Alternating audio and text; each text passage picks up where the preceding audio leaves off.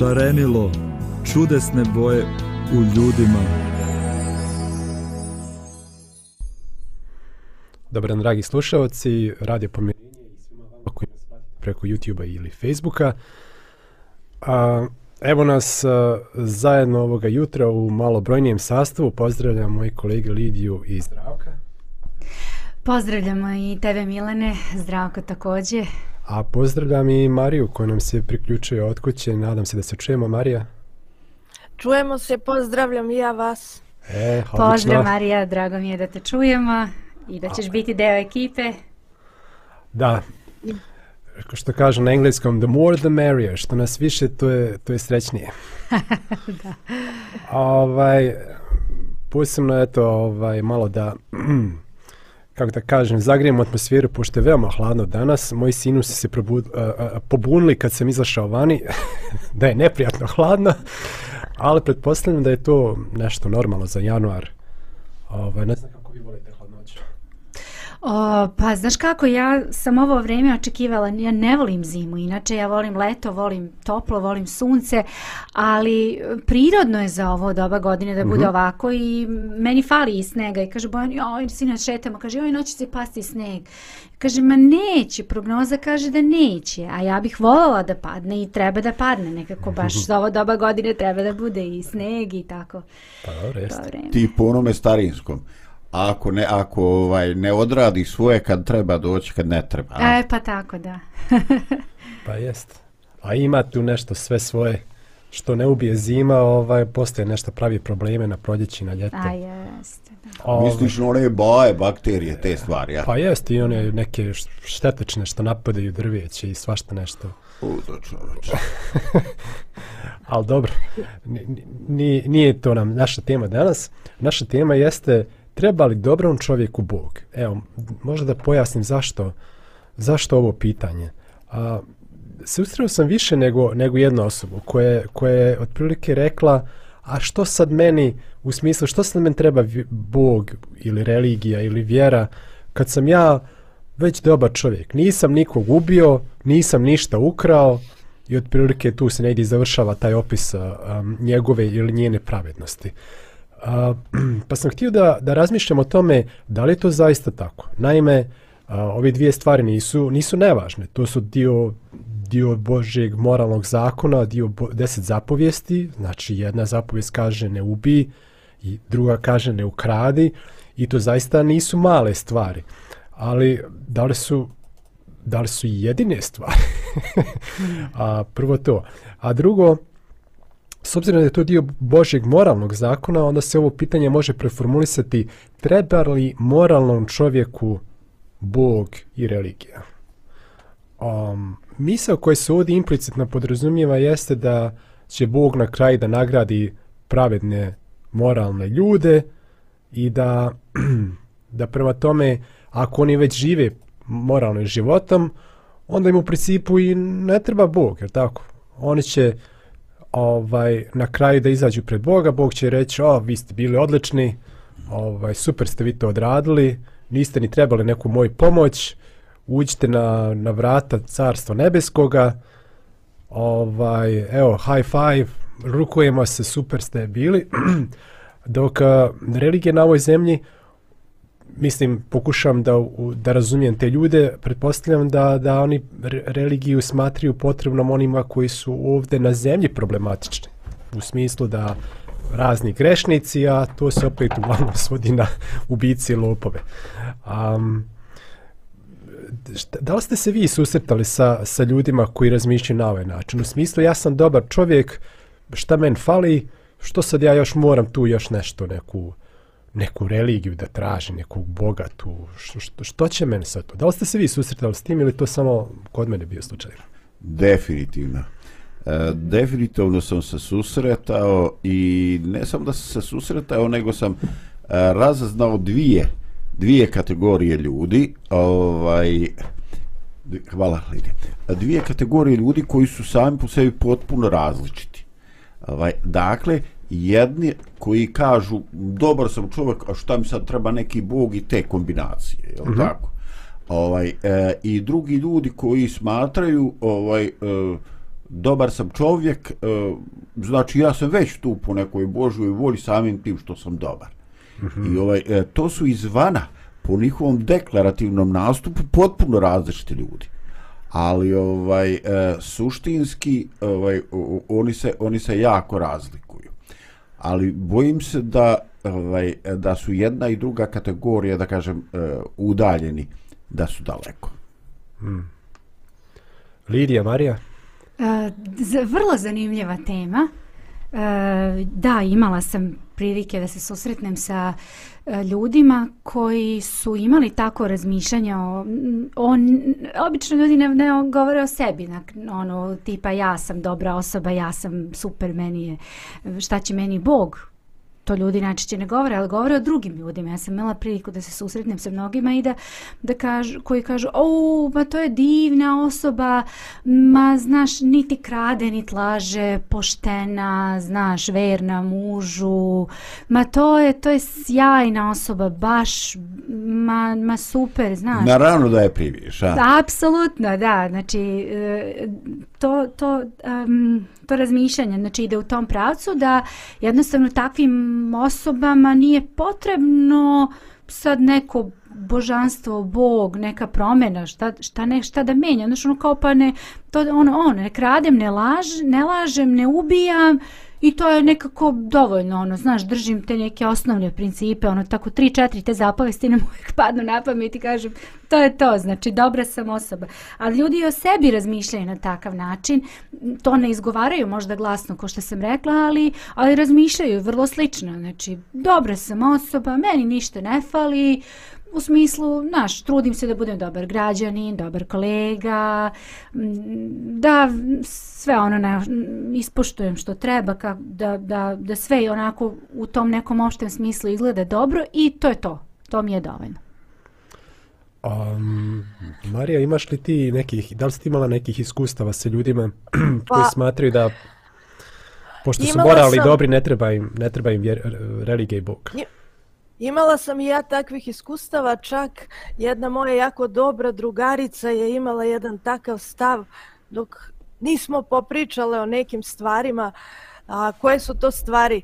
Lidija je sad navela čak da neki ljudi i ne lažu.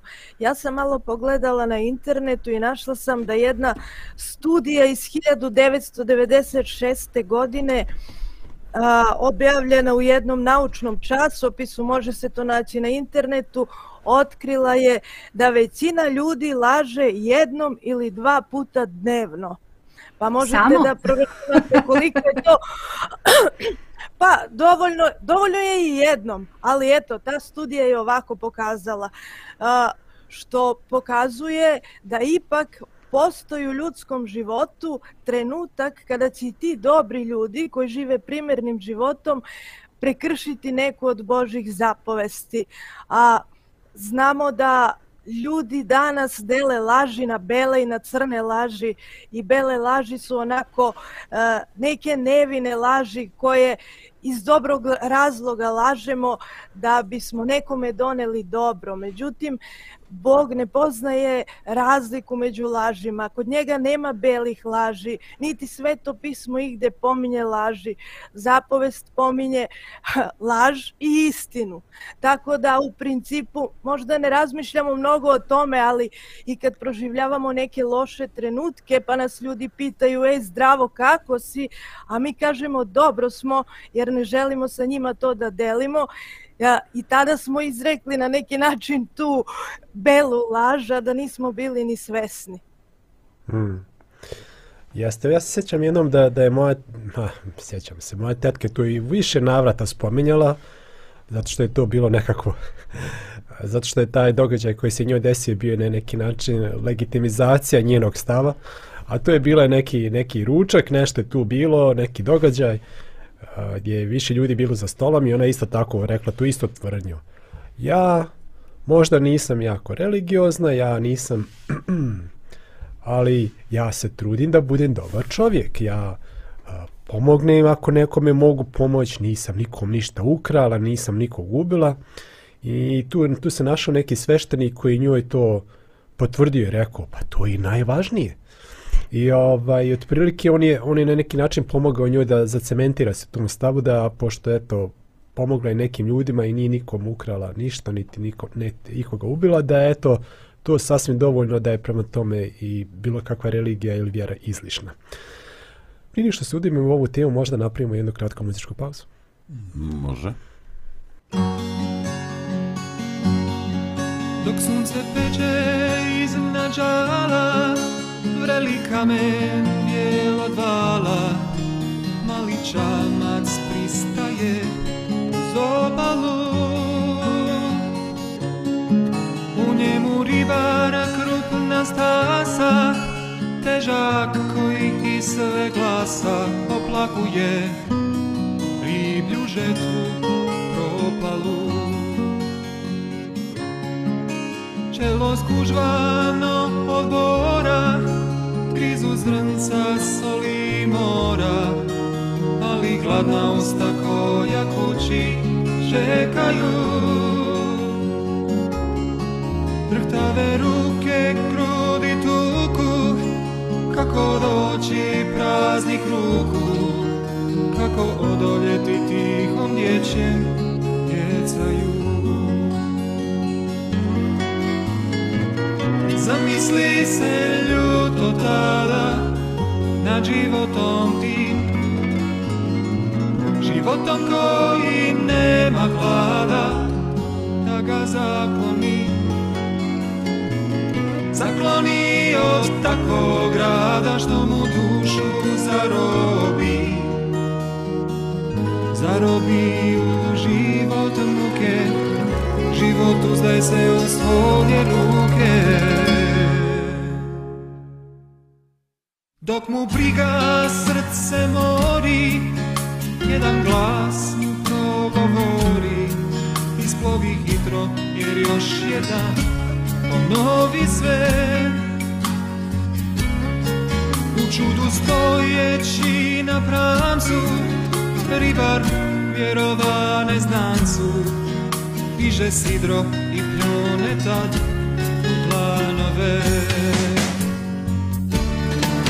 Nedugo za tim stare mreže U vodi postaju sve teže Mjesto da bježe Ribe dođoše na dlan Dok je ribar sidrio svoj čamac Ajde za mnom reče stranac Budi kamen Ispuni svoj san Ispuni svoj san I zamisli se ljuto tada Nad životom tim Životom koji nema hlada Da ga zakloni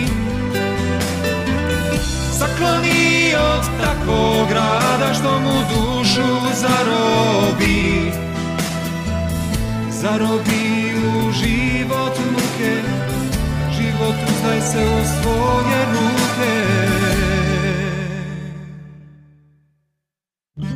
Sjećanja i uspomene na viru taj dan Dok je visio na križu ribar prikovan Prikovan zbog tihog stranca koji sada je dobro znan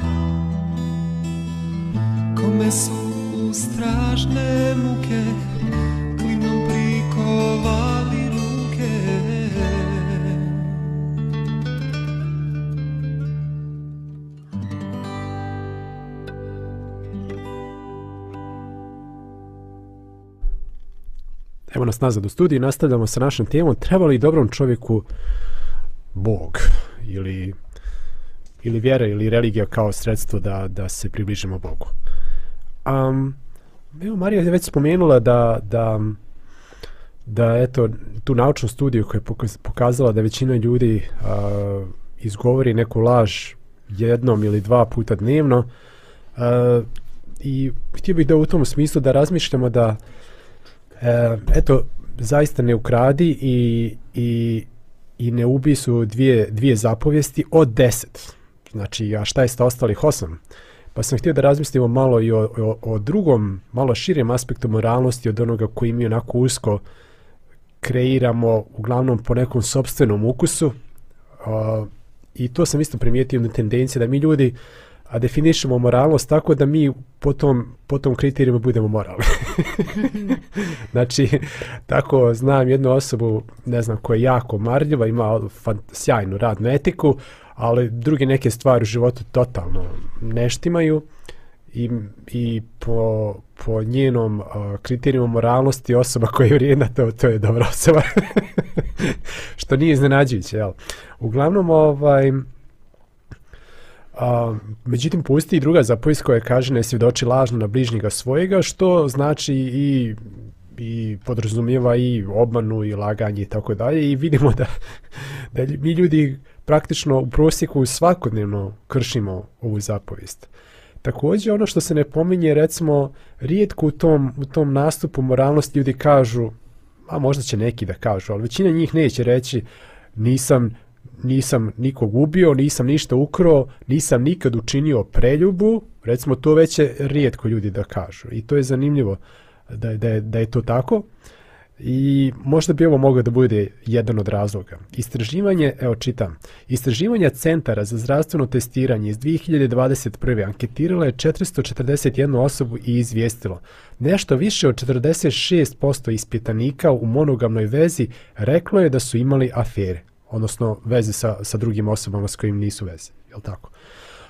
Um, dakle, primijetite 46%, gotovo svaka druga osoba, ali ovo nisu, ovo nisu osobe koje su imali afere, već oni koji su priznali da su imali afere. Znači, moguće da je da mnogim ljudima to nije prijatno, prijatno da priznaju, a i onda taj procenat u, u realnosti je vjerovatno i veći.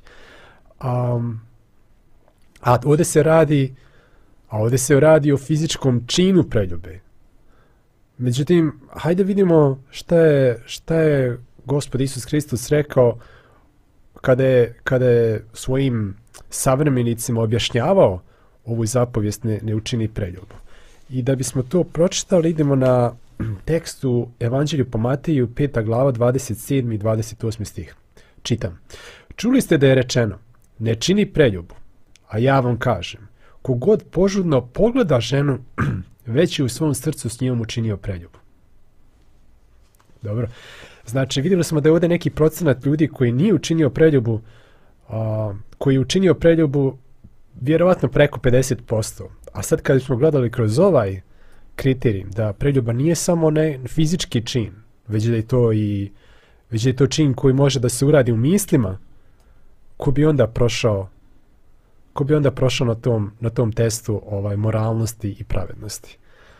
Um, kako ste vi um, kako ste vi recimo evo vi ste ovdje čitali Sveto pismo a, kako ste se vi osjećali kad ste se prvi put ha možda je sad to vama nekima jako davno bilo možda nekima u dječje škole da, da, da.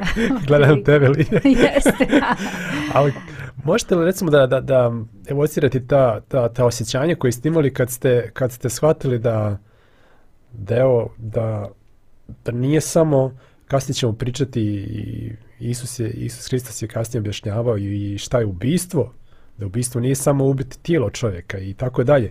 Ali kako ste se osjećali kad ste, kad ste shvatili da je, da je hrišćanstvo daleko više od držanja eto, nekog, da, da kažem, slova zapovijesti? U mom slučaju, pošto mm, se ispomenuo da u mom slučaju to je nekako išlo progresivno. Trebalo mi je vreme zato što eto ja nekako od malena moji roditelji nas uče tim nekim hrišćanskim vrednostima, principima, moralnim vrednostima. Spomenula smo eto možda ne moraju biti hrišćanske, ali neke moralne vrednosti koje mhm. poštuju svi ljudi, bili oni hrišćani ili ne. Uh, ali su nas učili da i hrišćanskim vrednostima uh, i onda smo govorili tako o tim zapovestima, šta trebamo raditi, šta ne trebamo raditi, I naravno u tom ne, toj nekoj dobi kad su deca jako mala, onda se uče tim nekim pravilima steknem, jer naravno i u školi se mora učiti. To se radi, to se ne radi. Mm -hmm. Ovo može, ovo ne može. Učiteljice, jel mogu napolje? Ne možeš napolje. Jel mogu da pišem? Da, moraš da pišeš što ti obaveza. Tu nema, pa znaš šta, bilo bi dobro da svi pišete.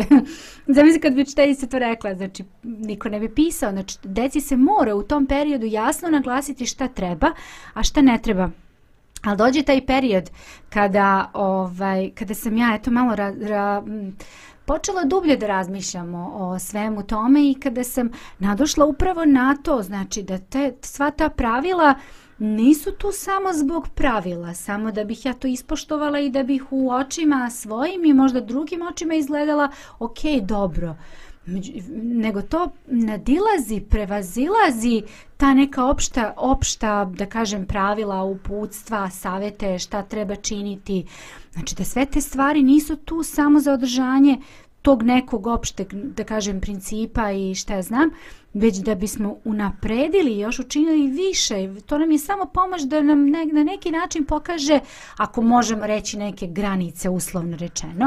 Uh mhm. -huh. Međutim, mi sami stvaramo tu neku pozitivnu i dobru atmosferu i, i treba da učinimo mnogo više u odnosu na ono što nam sama zapovest nalaže. Uh, ovaj, nije kod mene to bilo onako, možda ja nisam najbolji primjer nekoga koji je onako to drastično doživeo, a, jer je kod mene to onako progresivno, progresivno išlo, ja sam onda shvatala kroz vreme ovaj, šta, kad i koliko um, trebam kada su u pitanju zapovesti. Mm. A, ako imate neki od još vas dvoje, neki još komentar, slobodno se uključite kad god budete. Pa ja, reći, ja sam Marija. htjela, Dok si ti Milane pričao, podsjetio si me na jednu priču. Ne mhm. znam da li vi znate i naši slušalci, ali u jednom hotelu dogodilo se da jedan bračni par je tamo bio i kada su se odjavili iz hotela, umjesto njihovih stvari, nekako im je recepcionar greškom dao učinu neku drugu vrećicu u kojoj je bilo dosta novca iz hotela. I oni su izašli i seli u auto i onda su pogledali i videli su da se dogodila greška. I sada većina ljudi u tom trenutku bi pomislili pa nismo mi krivi, recepcionar nam je dao taj novac, šta sad? Međutim, ovi ljudi su bili tako moralni i pošteni i rekli su moramo da se vratimo i da ovo vratimo čoveku, ovo, ovo je greška. I oni su se vratili i vratili su mu novac, to je bio veliki novac i on je rekao ja ne mogu da verujem da se ovo dogodilo, uh, sačekajte, molim vas, ja moram da pozovem novinare da snime bračni par koji je bio tako pošten da vrati ovu gomilu novca, a ne da je zadrži za sebe. Iako to nije bila njihova greška, nego greška recepcionara i oni su rekli nemojte molim vas da zovete novinare i ne želimo da ovo izađe u javnost, mi zapravo nismo bračni par. Ona ima svog muža, a ja imam svoju ženu. Ta vam posla da izađe u javnost. Tako da, dvostruki moral, da. Jeste, ljudi nekada u nekim segmentima budu vrlo, vrlo pošteni, a sa druge strane u nekim drugim segmentima ili da kažemo zapovestima ili Božjem zakonu ne obaziru se i to im deluje kao normalno da tako čine. I ja lično, pošto čitam takođe Bibliju, pronašla sam u poslanici Jakovljevoj da e, je apostol Jakov rekao da onaj koji održi sav zakon, a sagreši samo u jednome, samo, na primjer, čini preljubu ili samo laže, on je kriv za sve. Biblija tako kaže. Hmm. I još jedan stih koji sam htjela da navedem jeste da Isus Hrist je rekao jedno pravilo koje treba da bude temelj hrišćanskog života, a to je ono što vi želite da vama čine ljudi, to činite i vi njima. Vi ne biste želeli da neko uzme vašu ženu ili vaš novac ili vaš auto ili vašu kuću, ne biste volili da vas neko laže, da vas potkrada. Tako se onda i vi ponašajte prema drugima. I to je jedan ideal kakome hrišćani trebaju da strebaju. Jeste, i to je jedna odlična smjernica u nekim situacijama koji nisu pokrivene recimo sa deset zapovijesti ili kad se pitamo, kad se nalazimo u moralnoj dilemi šta da uradimo, a, jedna, jedna dobra smjernica jeste da se vodimo tim zlatnim pravilom. Sve što želite da ljudi čine vama, onako činite i vi njima. Ako je ono što vi namjeravate da učinite isto ono što biste vi željeli da ljudi učine vama, onda, onda je to najvjerovatnije dobro i ispravno. A, I kao što si ti, Marija, rekla, a, da mnogi ljudi su u nekim stvarima vrlo moralni i ispravno postupaju, a u drugim podbacaju, to je upravo jedna slika ljudskog roda. Da vjerovatno nijedan čovjek na svijetu nije apsolutno nemoralan. Da, da. Da, da svaki čovjek, čak i onaj koga bi većina nazvali, nazvali lošim, ima neke stvari koje čini dobro u svom životu i, i neke stvari u kojima je, jeste moralan. A s druge strane, istina je i drugo, da možda nema apsolutno moralnog čovjeka, to ćemo još kasnije da pričamo poslije pauze, a, koji apsolutno u svemu što čini, govori i misli je ispravan. Ali o tome više poslije mali muzički pauze. Hvalite gospoda, hvalite ga ljudi, hvalite neuki, hvalite premudri, aliluja. Hvalite ga deco i vi roditelji, hvalite angeli i svi svetitelji, aliluja. Ono ki ti zemlju srećem šarenije, hvalite gospoda pesmama novijem, aliluja. On oblači zemlju zimi snegom beli, hvalite gospoda životom sve celi, aliluja. proleće mje rosi kišom blagotvorno, hvalite gospoda pesmom neumorno, aliluja. On je letom greje i gromom je čisti, hvalite gospoda, on je uvek isti, aliluja. jesenje kiti izreli plodovima, hvalite gospoda, reću i delima, aliluja. Ona zemlju siđe, da zemlju isceli, hvalite gospoda, golubovi beli, aliluja. On porugu primi i na krstu strada, hvalite gospoda, u njega je nada, aliluja. Smrt okusi ljutu i svu smrtnu žalost, hvalite gospoda, u njemu je radost, aliluja. zemlja ga znade za tri dana mrtva hvalite gospoda on je za nas žrtva aliluja al ne struli gospodno ustade moćno hvalite gospoda pojte dano noćno aliluja Hallelujah. Ljudima se mnogim gospod javi potom, hvalite gospoda uzvišenom notom, aliluja. I opet će doći gospod preumilni, hvalite gospoda svi u veri silni, aliluja. Doći će da sudi grešnim i pravednim, hvalite gospoda sa dušama čednim, aliluja. Neće biti kraja njegovome slavlju, hvalite gospoda s plamenom ljubavlju.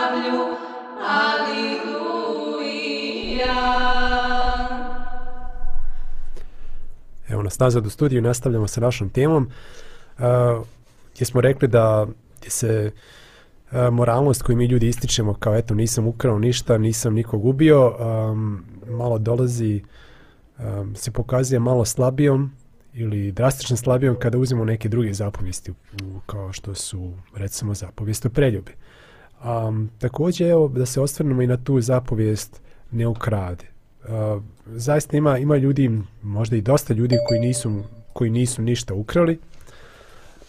Mada mi je bio zanimljiv jedan postoj, ne znam da li ste imali prilike da vidite, jedan profesor sa činim se ekonomskog eh, fakulteta u Sarajevu je nedavno objavio, nekoga je snimio na predavanju gdje on kaže, otprilike parafraziram, svi ste vi uh, Eh, svi se vi svi se vi svi se mi ljutimo na političare kako su korumpirani kako kradu al ajde ja vas pitam ko je od vas ko je od vas se švercov u, u tramvaju jutros a da nije platio i sad ono diže se dosta ruku i on kaže al profesore to je samo markica i 80 a onda njima profesor kaže otprilike uh, to ti si ukrao onoliko koliko si mogo. A da si bio u situaciji da ukradeš više i ti bi ukrao koji je taj političar. Prema tome nije problem u njima, već je... Princip. Već je, već je tačno, nije problem u, u, u količini koja je ukradena, već je problem u principu. Ako promijenimo principe po kojima živimo, a, onda ćemo jedan po jedan i mijenjati društvo u kome živimo. I zaista taj poruka je našla veliki odjek i ne znam koliko je bilo pregleda, da li tri miliona ili tako nešto, to je čudesno za, za naše jezičko područje. Da, Milene, o, ima tu još jedno pitanje onako koje se definitivno ne može preskočiti. Ovaj, a to je ovaj, e, čovječe, e, korupcija podrazumijeva ne da neko nešto uzme iz neke zajedničke kase ili da skrene tok novca na svoj račun. Mm -hmm. Korupcija podrazumijeva učešće makar dvije osobe. Znači, e, osoba koja je u nekoj poziciji vlasti da raspolaže sredstvima, uticajem, on mora biti korumpiran sa nekim. Dakle, ljudi su korumpirani rad toga što postoji veliki broj ljudi koji su sredstvima e, spremni uložiti svoja sredstva da bi e, napredovali na nekoj listi za dobijanje stana, za ovoga i onoga. Znači, društvo je korumpirano i radi toga ovaj e, taj neko koji je izvršilac i koji ima direktne koristi, on se uklapa u to. E, pitanje, e, kada bi 99% ljudi odbilo princip korupcije, mm -hmm. šta bi onaj jedan ovaj, jadnik i ovaj što su na poziciji mogli uraditi? Razumijete, nema utakmice, ne nudi se. Znači, jer ako ih ima puno koji su spremni na uh, da dođu do nekih ciljeva i da potplate, da podmažu, kako se to kod nas kaže, onda je on čak u situaciji ovaj, da, da kaže aj, da vidimo ko da više, velika je konkurencija, treba više ljudi izvest na večeru, ili kako da se to već priča, nemam pojma. E, ima tu, izvini Milane, e, ima tu pitanja o kojima možda nismo razgovarali danas, ali također su deo tog nekog moralnog miljeja da razgovaramo recimo o plaćanju računa. Evo, svak, sad je početak januara, već možda i polovina, skoro počeće da stižu računi, ja ih čekam svaki čas. I onda kad pogledaš tamo račun, ti vidiš tamo dole, znači PDV, ono je katastrofa koliko je visok. I sad baš sinoć sa Bojanom pričam i on kaže, evo sad kaže ja sam već internet platio, to mi je stiglo, ali kaže skoro 7-8 maraka više sad plaćam internet. Uh mhm. -huh. Kažem pa kako to? Pa što se odjednom promijenilo 7-8 maraka više? I onda sad imamo znači, te neke moralne dileme u nama, naravno ti moraš to platiti, to ti je deo računa, ako ne platiš on, oni će te isključiti ili ćeš platiti kaznu ili to jednostavno moraš. Ali onda postoje te neke krivine koje mi hvatamo. Pa onda umjesto da prijavimo, ne znam, neku organizaciju, mi prijavljamo pojedinca da bismo manje platili i takvih i drugih moralnih pitanja ima koliko hoćeš. Ili možda hoćeš. posudimo internet od komšije. Ili od komšije, da, da. da. Komšija, molim te, nemoj kasn s uplatom računa pa da nam isključe ko yes. prošli mjesec. Da. Budi se, odgovoran. E, pa to, i onda se sad pitamo koliko je to stvarno, realno, moralno. I tako, znači, ti nikog ne povređuješ sa tim u smislu da sam ja sad država, znači, neće ona ostati gladna, niti ćemo mi ljudi, niti će, niko... Niti će Telekom da propadne zbog Apsolutno neće zbog tog nečeg što sam ja uradila, ali koliko je to moralno? Hmm. I takvih pitanja ima baš dosta. Eto, ne znam da ste vi razmišljali o tome. Jesmo, jesmo. U smislu ono filozofsko pitanje iz budizma da li je drvo palo u šumi ako ga niko nije vidio ni čuo. Tako je ovo.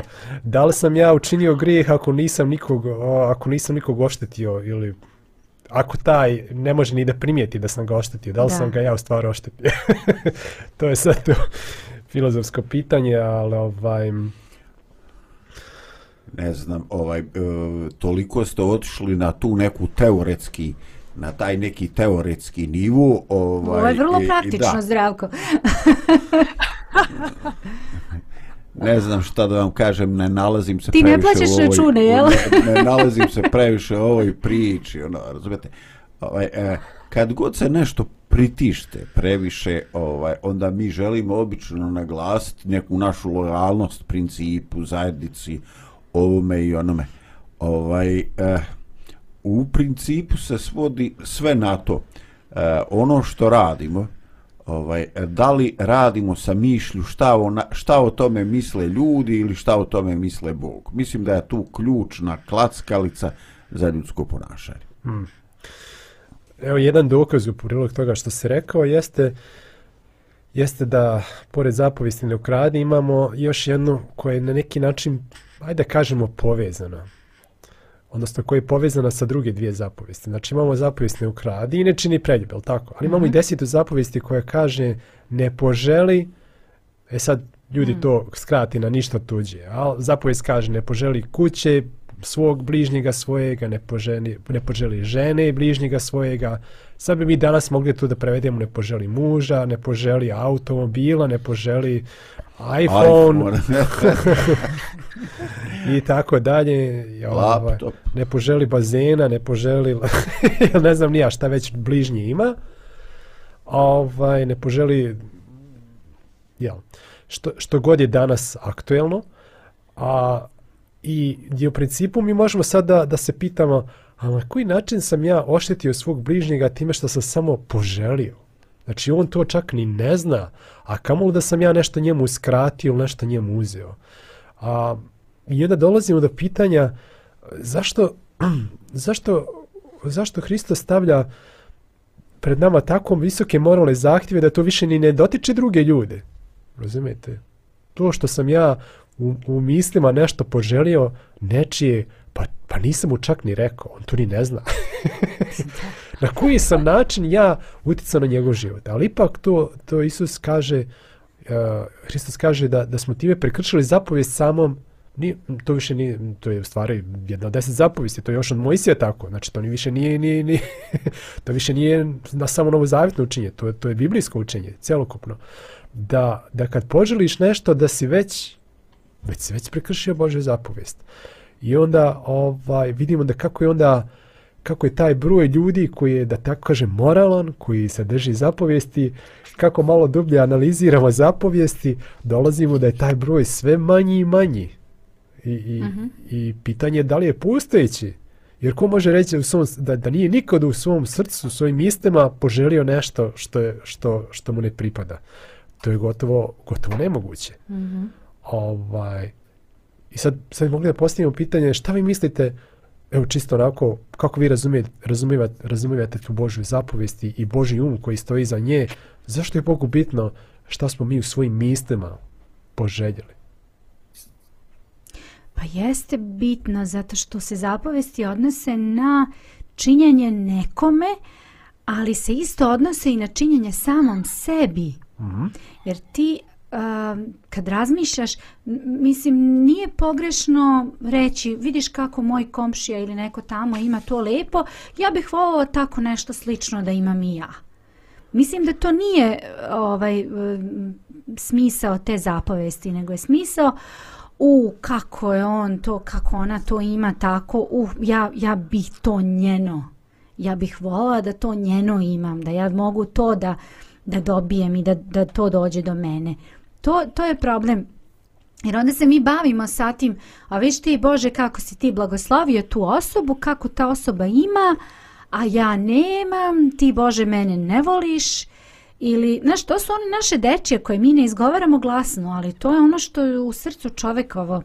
I, i znači, kažem, znači, ja nisam neko ko, ko je u milosti Božjoj, nego jednostavno, naš Bog voli nekog drugog, mene ne voli. Uh, Bog jednostavno kaže pa budi zadovoljan onim što imaš jer ti ne znaš kako tebe drugi posmatra. Drugi mm. možda neko kaže e ma ti, ti ne vidiš šta je tebi Bog sve dao, šta ti sve imaš. Ovaj, tako da to je to neko zadovoljstvo onim što, što imaš i što ti je Bog dao. Ja sam malo o tome istraživala ranije i mislim da je to jako interesantna tema mm -hmm. šta naše misli čine. Uh, Martin Luther je rekao mi ne možemo da zabranimo pticama da lete iznad naše glave, ali možemo da im zabranimo da naprave gnezdo na njoj. I naše misli nisu baš tako bezazlene. Znači, to o čemu sam ja istraživala pokazalo je jednu a, šokantnu istinu. A, naša misao, svaka naša misao teži da se ostvari. Mm. Znači, ovo što je Lidija ispričala čak može da bude i bezazleno u odnosu na to da ako mi dozvolimo toj misli da napravi gnezdu u našoj glavi, ona teži ka ostvarenju, teži ka delima tako jako da mi nismo svesti. I ako se više njome bavimo, e, mi nećemo moći da se odupremo njenom ostvarenju. Ako previše želimo nečiju kuću ili nečijeg muža ili ženu ili nečiji auto, onda ta misao nas toliko vodi i motiviše da kada dođe situacija u kojoj možemo to da mhm. uzmemo, mi nećemo ni trenutka se dvoumiti da li da to učinimo. To je jedna neverovatna stvar. Svaka misa o kojom se duže bavimo, ona vodi ka delima i vodi ka svom ispunjenju u, u situaciji koja je najzgodnija za to. I to je vrlo opasno za nas. Hvala puno Marija na ovom razmišljanju i, i to je upravo ono što, što treba da, da, da razumijemo. Da, da zbog, čega, zbog čega su moži, boži principi moralnosti daleko iznad ljudskih? Mi ljudi uglavnom gledamo na ono spoljašnje djela. Međutim, Bog daleko bolje poznaje našu prirodu i zna da misli teže da se, da tako kažem, utjelove u obliku dijela. I da, i da misli daju tu motivaciju da čovjek učini i neko dijelo na osnovu njih. Iz toga ta naša borba da budemo moralni ili ne, prvo započinje se, se, se, se dobija ili gubi na nivou misli. Onda kad, kad izgubimo tu bitku nad mislima, samo je pitanje vremena i prilike kad će to da se pokaže da se, kad će to da se pokaže u djelima. Tako da, da, a opet s druge strane, koji čovjek može da kontroliše svoje misli i svoje želje, a sam od sebe svojom moralnošću i svojom snagom. Možda na nekom aspektu života, da, ali na nekom drugom, definitivno ne. I onda se tu opet vraćamo na početak, uh, da li dobrom čovjeku treba Bog, kao prvo, ko je zaista dobar u Božjim očima, a kao drugo, naravno da mu je potreban. Jer ko je tako mm -hmm. dobar da može čak i na nivou misli da ne poželi ništa što je, što je, što je tuđe. Ili ko je može čak i na nivou misli da da, da uvijek bude ispravan, moralan i da živi po, po zlatnom pravilu. Ovaj, Milane, e, to što je misao, vi ste dovoljno naglasili koliko je to važno i e, posebno Marija da svaka misao znači e, teži ka svojoj materializaciji. Ali ovaj na svu sreću postoji još jedan indikator. Ovaj, Sveto pismo kaže usta govore od zviška srca. Aha. Ovaj, dakle, vjerovatno ono s čim smo na neki način ispunjeni, ti sadržaji će naći svoj odraz uh, ovaj u našem govoru, u našim šalama, u našem nekome nastupu. E, dakle, mi ćemo svjesno ili nesvjesno ovaj e, pokazati e, čak i ono čega nismo ovaj svjesni mm. ovaj na nivou misli. Dakle, moguće je da nešto nismo svjesni, ali ćemo uh, u određenom trenutku biti uh, ironični. U određenom trenutku ćemo pokazati ljubomoru. Uh, Dakle, e, za jezik se kaže da je to ovaj e, mali ud, da je veliko zlo, da se vatre paklene iz njega izlaze. Ovaj, dakle, e, ne samo na nivou zle namjere, nego i na nivou nesvjesnoga mi tim jezikom povrijeđujemo. Povrijeđujemo ljude i ne povrijeđujemo i slučajno, mm. nego povrijeđujemo radi sadržaja koji već postoji u nama. Tako da na svu sreću, ovaj, e, ponekad ako ne možemo zaviriti u svoju unutrašnost, u svoje srce, uh -huh. uvijek dovoljno precizno, onda ipak možemo zaviriti u, u, u istorija današnjeg dana. Ono što smo pričali, zašto smo pričali, što nam je to trebalo, kakvu smo poruku poslali pred čovjekom koji je ispred nas. Mm. Prije što zaključimo u našu temu, napravit ćemo još jednu muzičku pauzu. Muzičku pauzu.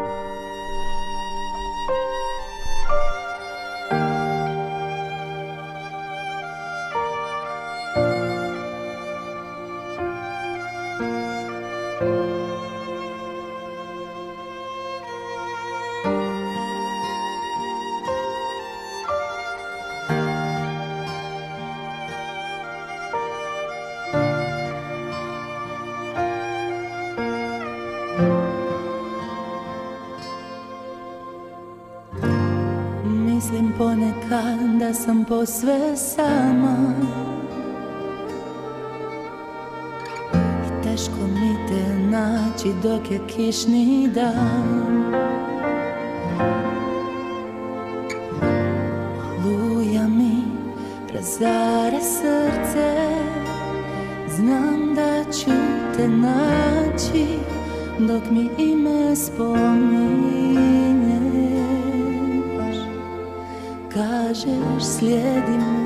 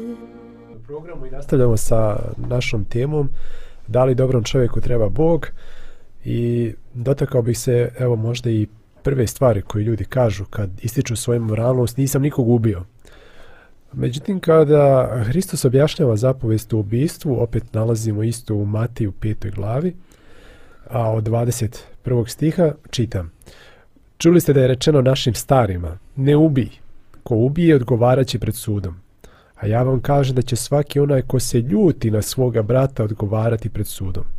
I, kod go, i kogod svom bratu kaže raka, što je neki aramijski izraz prezira, odgovarat će pred Sinidrionom, koji je bio najviši tadašnji jevrijski sud. I kogod kaže budalo, odgovarat će zato u ognju pakla. I dalje onda Hristos objašnjava da onaj ko hoće da prinese neki dar Bogu na žatvenik, a sjeti se da ima neki neraščećen odnos sa svojim bratom, treba prvo da se izmiri sa bratom, pa tek onda da, da prinese dar.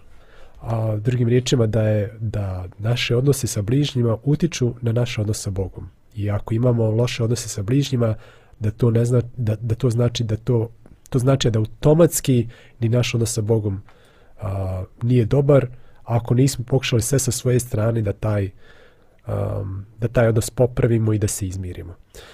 Um, I opet dolazimo do istog zaključka. Da, zaista većina nas nije nikad oduzela nekom život, fizički, je li tako? Posti neki koji jesu, ali uglavnom su u našem društvu današnje manjina, velika manjina. Međutim, kad gledamo kroz, a, kroz naočare ovih Hristovih riječi, da je onaj koji se ljuti na drugoga ili kod drugog čovjeka nazove prezrivim nazivom, a mi u našem jeziku imamo mnoštvo takvih Nažalost. i koristimo ih. Da. E, da, tu sam se ja ostao kao mlad jako zbunjen. Samo se uključi, ono, zdravko. Kriv, paklu, o, kriv si paklu ognjenome, a kod nas to ono bila ovaj, ovaj ono tepati, Uzrečice. budalco moja mala, razumiješ, tepati s tom. I onda malo sam kad sam kustuo neke uh, prevode, vidio sam da se ovdje ne radi o ovom našem uh, konotativnom značenju, jer mi s tim možemo uh, ovaj, e, kod nas je to kompliment, koji kad kažeš gdje si brat Međa, da to u Bosni ono, djeluje onako baš simpa. Ali ovaj e, vidio sam da se to radi u jednom značenju, e, ti si dobro rekao prezirivom, znači u smislu o, prokletnik. E, mm. znači to je riječ koja nosi e, nosi taj zli, e, zlu primisao ovaj eh, da neko bude proklet za života, za vječnost i tako.